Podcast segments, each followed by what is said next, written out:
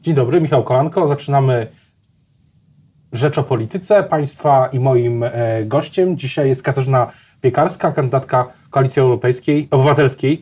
E, dzień dobry, witam serdecznie. Dzień dobry. Chciałbym zapytać na początek o sprawę marszałka Kuchcińskiego. Czy uważa Pani, że ona jest e, już zamknięta? Znaczy w ogóle ta sprawa jest, znaczy w ogóle sprawa marszałka Kuchcińskiego pokazuje, czym jest polityka według PiS. Sam marszałek jest taką kwintesencją rządów PiS. Osoba, która się nie nadaje na, na to stanowisko zupełnie, bo to nawet przyznają w kuluarowych rozmowach, a już nawet, tak powiedziałabym, już nawet nie w kuluarowych, sami e, działacze PiSu, że nie jest to człowiek, który się na to stanowisko nadaje. Pamiętajmy, że to jest druga osoba w państwie. Gdyby odpukać coś się wydarzyło, no to byłaby to pierwsza osoba w państwie, tak? No, trudno to sobie nawet e, wyobrazić. Drugie, ta bezczelność i zachłanność władzy, takie, e, ta, powiedziałabym brzydko jest rano, to nie, to powiem tylko skrót TKM i po prostu e, wszystko, wszystko w tym temacie. Ale, ale, też... ale też jeszcze, panie redaktorze, jestem pewna, że gdyby nie wybory, to sądzę, że e, marszałek Kuchciński nie zostałby odwołany. Po prostu w Prawie i Sprawiedliwości e, zwyciężyło przekonanie, że jednak lepiej tę sprawę jest uciąć. Teraz już znowu będzie praca nad jakąś ustawą, czyli był problem, sami ten problem stworzyliśmy, teraz go dzielnie naprawimy, no i już możemy wyjść do wyborców. I znowu proszę zwrócić uwagę, jak jest jakiś kryzys, coś się dzieje, pojawia się e, dyżurny temat. Kiedyś to byli uchodźcy, dzisiaj tym tematem jest środowisko LGBT. Ale też mówi Pani o tym, że to jest y, kwintesencja rządów Prawa i Sprawiedliwości, ale z drugiej strony wydaje się, że też jest kwintesencją tego teflonu, który, który jest wokół PiS, bo też sondaże y, pokazują, przynajmniej na razie, te pierwsze sondaże, że Prawo i Sprawiedliwość y, minimalnie tylko traci, jeśli w ogóle, poparcie wśród wyborców. Panie redaktorze, ja się w ogóle sondażami specjalnie nie przejmuję. Takim rzeczywistym sondażem będą wybory za, za y, dwa miesiące. Też proszę pamiętać, że jednak są wakacje, ludzie mniej się interesują polityką, także część pewne wiadomości nie do końca y, dochodzą do, do opinii publicznej. Natomiast myślę, że, że y, mimo wszystko na tej aferze Prawo i Sprawiedliwość straci. A czy opozycja zyska? Ja myślę, że jeżeli opozycja pójdzie trzema blokami, to naprawdę głęboko wierzę w to, że e, i, i na tych listach znajdą się naprawdę silne nazwiska, e, ludzie z autorytetem z, z, i ludzie, którzy wiedzą, co chcą zrobić e, w tym, w tym parlamencie, autorytety w swoich środowiskach, to sądzę, że naprawdę pojawiła się duża szansa, aby. Mm, Prawo i Sprawiedliwość e, po 13 października e, przestało e, rządzić. Jak, jak, jak Oczywiście być może nawet będzie miało największą powiedzmy liczbę głosów, ale nie będzie w stanie... Tak zwany wariant portugalski. Nie, nie będzie w stanie rządzić i myślę, że może powstać szeroka koalicja po wyborach. Na to liczę i w to wierzę, bo wie pan co, jak ja nieraz słyszę ojej, ale mm, no i tak to y, Prawo i Sprawiedliwość y, wygra. No trzeba tak walczyć może, żeby nie miało tej większości konstytucyjnej.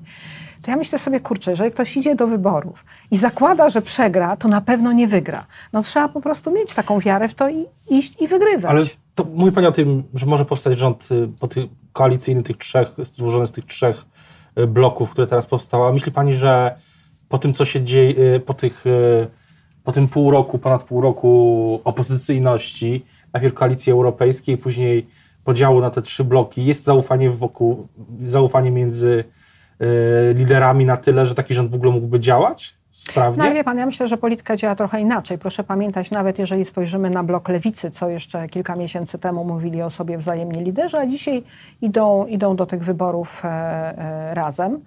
E, w związku z tym ja myślę, że mm, e, jeżeli mamy szansę, aby PiS przestało rządzić e, w naszym państwie, i to są naprawdę najważniejsze wybory od 30 lat, bo ja nie chcę sobie wyobrazić, co ten PiS jest w stanie zrobić przez następne 4 e, lata, e, to ja myślę, że zwycięży taki rozsądek i nie mam wątpliwości, że jeżeli będzie na to szansa, a ja wierzę, że będzie, to e, usiądą do stołu e, liderzy, będą rozmawiać i utworzą rząd koalicyjny. A też, e, Dlatego też właśnie przed, przed wyborami nie warto za bardzo, że tak powiem, gryźć się po kostkach, bo potem takie rozmowy mogą być trudne. A jak pani widzi swoją rolę i w tej kampanii, i później po, po wyborach w Sejmie?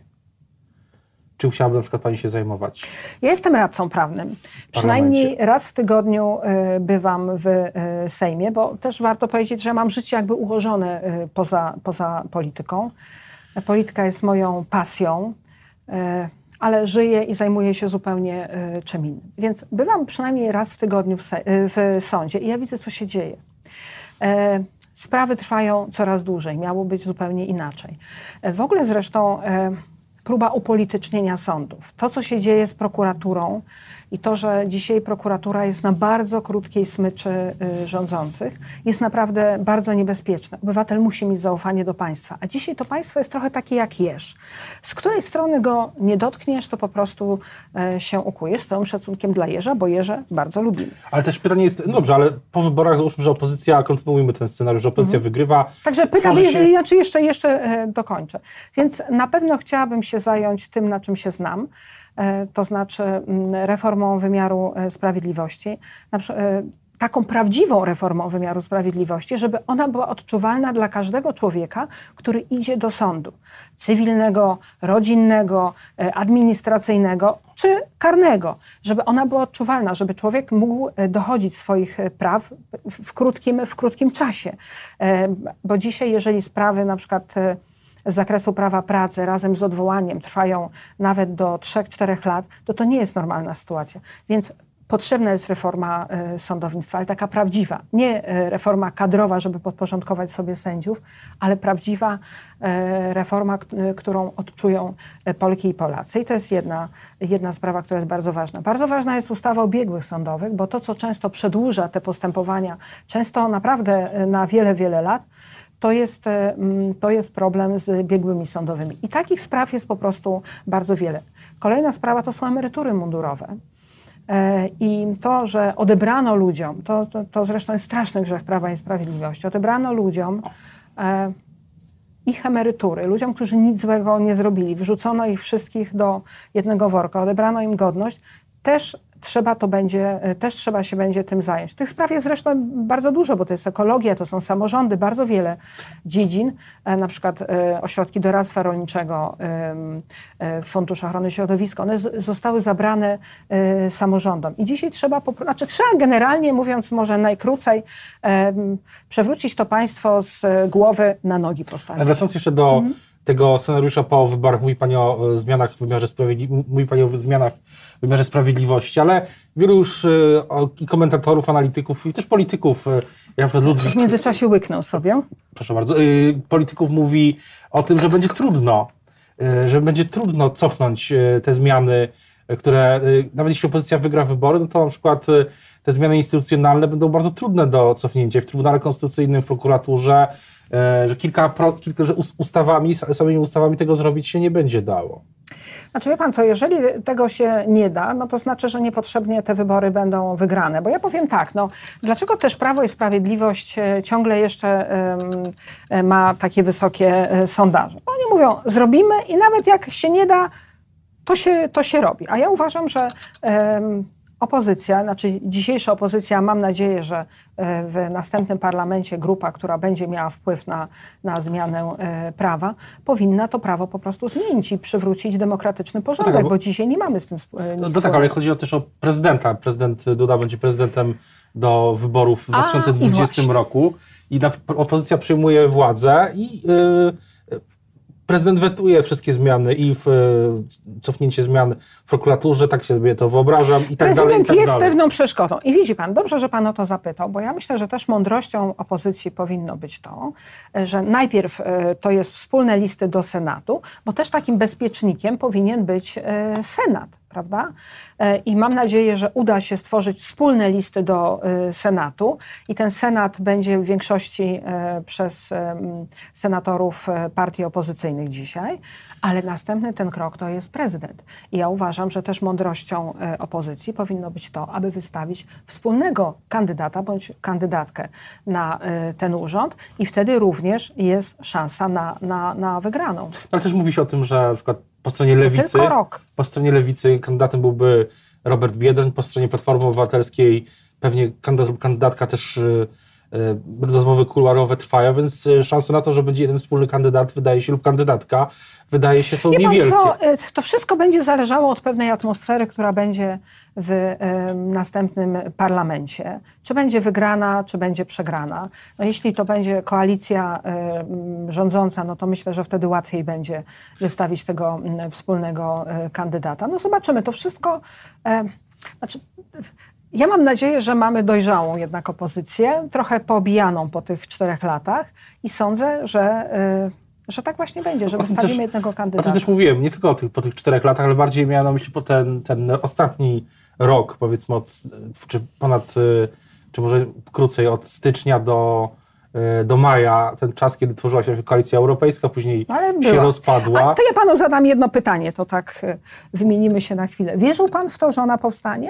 Jako bardzo doświadczony i świetny dziennikarz? Y wcześniej? Znaczy, kiedy... A powstała, prawda? Chociaż znaczy, było trudno, bo Powiem rozumiem, tak, że, że... że uznawałem, że jest to możliwe, y, ale y, dopiero znając y, wewnętrzny układ sił, zrozumiałem, że, że pewnie i to, jak bardzo zdeterminowany mhm. jest Grzegorz Schytyna, żeby taką koalicję stworzyć, no to wtedy w pewnym momencie stało się dla mnie jasne, że ona powstanie wiedząc na przykład, że, yy, wiedząc na przykład, że no już po tej deklaracji yy, premiera Millera, premiera Cimoszewicza, było dla mnie jasne, no że, że ona powstanie. I ja uważam, że te 38% to naprawdę nie był, nie był słaby y, wynik.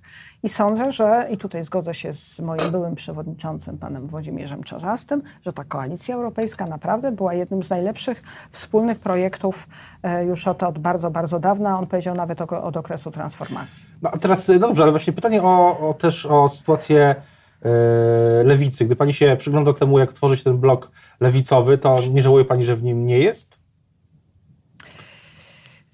Pan co, no, 20 y, y, lat życia to na pewno jest y, dużo i w jakimś sensie na pewno żałuję, tylko pan coś albo jest możliwe, albo, albo możliwe nie jest. Ja uważam, że z jednej strony, że naprawdę, tak jak mówiłam już wcześniej, to są najważniejsze wybory od 30 lat i tylko e, szeroka koalicja ma szansę realnie powalczyć z Prawem i Sprawiedliwością. Bardzo ważne jest, aby te dwa mniejsze bloki przekroczyły próg. Ja sądzę, że one przekroczą. De decyzja kolegów o obniżeniu progu na 5% była naprawdę bardzo zasadna, choć uważam, że w sprzyjających okolicznościach mogą mieć, mogą mieć więcej, jeśli zarejestrują komitet. Tak? Bo na Przekonuje Pani z, z drugiej strony. Z drugiej strony, wie Pan, znaczy też, żeby była jasna sprawa, dla mnie nie znalazła się na tych listach też e, żadna oferta. Wczoraj czytałam wywiad z e, panem e, Gawkowskim, sekretarzem Wiosny, który zresztą mm, lubię, znam od wielu lat, uważam, że to jest zdolny, zdolny polityk i powiedział otwartym tekstem, że Mm, część osób, na, bo, ponieważ jest to koalicja, nie znajdzie się, które mogły się znaleźć, ale się nie znajdą, bo to jest koalicja.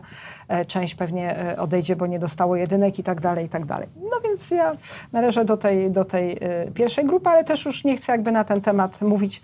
Też nie rozumiem, dlaczego na przykład nie znalazło się miejsce dla Moniki Jaruzelskiej, ponieważ ona cieszy się naprawdę olbrzymim poparciem w środowiskach wojskowych ze względu też na pamięć e, pewnie taty, ale też i tego, co sama mówi i robi dla, dla tych środowisk wojskowych. Nie znalazło się dla niej miejsce na, na liście warszawskiej. Uważam, że jest to, uważam, że jest to mm, błąd. A uważa Pani, że, a przekonuje ten drugi, bo jeszcze jest oczywiście kwestia, czy, czy, próg, czy próg przekroczy ten drugi blok, blok y, teraz PSL-u, Koalicji Polskiej z Kukizem. Mhm. Przekonuje Pani ta, ta konstrukcja też, że jest PSL i Kukiz y, w jednej, na jednej liście, na de facto na liście partyjnej, nie de facto, tylko formalnie znaczy, na liście ja myślę, partyjnej PSL-u. Że pan e, prezes e, Kosiniak-Kamysz wykazał się po prostu dużym pewnie pragmatyzmem, bo e, myślę, że sam pan Kukiz to jest jakiś procent, może półtora procent głosów i to może być ten procent, którego zabrakłoby na przykład do przekroczenia progu. A tak jak mówię, to byłoby bardzo źle, więc sądzę, że, e, że jeżeli obydwa te podmioty mniejsze przekroczą próg, a sądzę, że przekroczą, naprawdę mamy szansę na, na, na dobry wynik. A co będzie najważniejsze e, dla tego dobrego wyniku? Już tak podsumowując naszą dyskusję, przez jeśli chodzi o kampanię Koalicji Obywatelskiej czy całej opozycji, co, co tu będzie kluczowe? Czy będą tematy takie dotyczące właśnie praworządności, tematy dotyczące spraw, mm, nie lubię tego określenia, ale użyję go światopoglądowych, czy czy, czy, czy, czy wszystko jednocześnie? Ja myślę, że od spraw światopoglądowych pewnie się nie ucieknie, ponieważ e, będzie to wyznaczało e, Prawo i Sprawiedliwość, ponieważ, ponieważ e, w, tym, w tym temacie czuje się najlepiej, w takim właśnie straszeniu. Nawiasem mówiąc, to co wczoraj pokazały media i wypowiedź Jarosława Kaczyńskiego jest, jest wypowiedzią absolutnie skandaliczną, że on takich marszy by zakazał, bo to jest też to jest też taki, takie pokazanie, e, jaki jest, jaki jest aktualny trend, także dla policji przy przyjmowaniu e, zgłoszeń, e, także dla prokuratorów, jak traktować takie sprawy, na przykład pobicia czy, czy, czy mowy nienawiści i tak dalej. Jest to wypowiedź absolutnie skandaliczna. Ale musimy też pokazywać program, musimy pokazywać, czym zajmiemy się w przyszłym parlamencie, a więc na pewno sądownictwo, na pewno, na pewno ekologia i prawa człowieka. Pytanie też e, na koniec, e, czy, czy to nie jest tak, że Koalicja Obywatelska powinna, jeśli chodzi o sprawy światopoglądowe, być bardziej wyrazista, bo Grzegorz Schetyna mówił, że czas na związki partnerskie, ale na tym parę tygodni temu się skończyło. Ja pan co, ale, ale w, na tych listach e, koalicji obywatelskiej jest zarówno nowoczesna, która niosła to na swoich sztandarach, przypomnę, do e, Sejmu. Jest bardzo wiele osób e, związanych e, z lewicą, które odeszły i w tej chwili budują tą, to lewe skrzydło. Jest i Barbara Nowacka, i pan Joński, i Hajdar, i wiele, wiele innych osób, które, które to lewe skrzydło budują, więc ja nie sądzę, żeby tych tematów, żeby te tematy dało się już pominąć. I to, że Mm, pan Grzegorz Schetyna o tym mówi i powiedział, że tak, że załatwimy tę, sprawę, Mm, to, to y, sądzę, że tym razem y, Platforma Obywatelska po prostu nie będzie miała wyjścia i sądzę, że ten projekt zostanie przedstawiony i przyjęty. Zresztą naprawdę nie widzę powodu, y, dlaczego uregulowanie spraw prawnych między osobami, które ze sobą wspólnie mieszkają i, i budują taką wspólnotę, dorabiają się wspólnie majątku, zresztą tak hetero, jak i, jak i homoseksualnych, bo nie każdy chce zawierać związek małżeńskich, nawet nawet y, z par heteroseksualnych, mm, miałoby, y, nie wiem, miałoby komuś po prostu przeszkadzać. Kampanii... Czas, czas, na tę ustawę po prostu. Kampanię będziemy śledzić, tak samo jak to, co się będzie wydarzy po wyborach. Teraz bardzo dziękuję za rozmowę. Dziękuję, dziękuję bardzo Państwa i moim gościem dzisiaj była Katarzyna Piekarska, kandydatka Koalicji Obywatelskiej do Sejmu z y, Warszawy. Dziękuję bardzo i zapraszam na Rzecz o Polityce jutro w imieniu Jacka Nizinkiewicza. Do zobaczenia.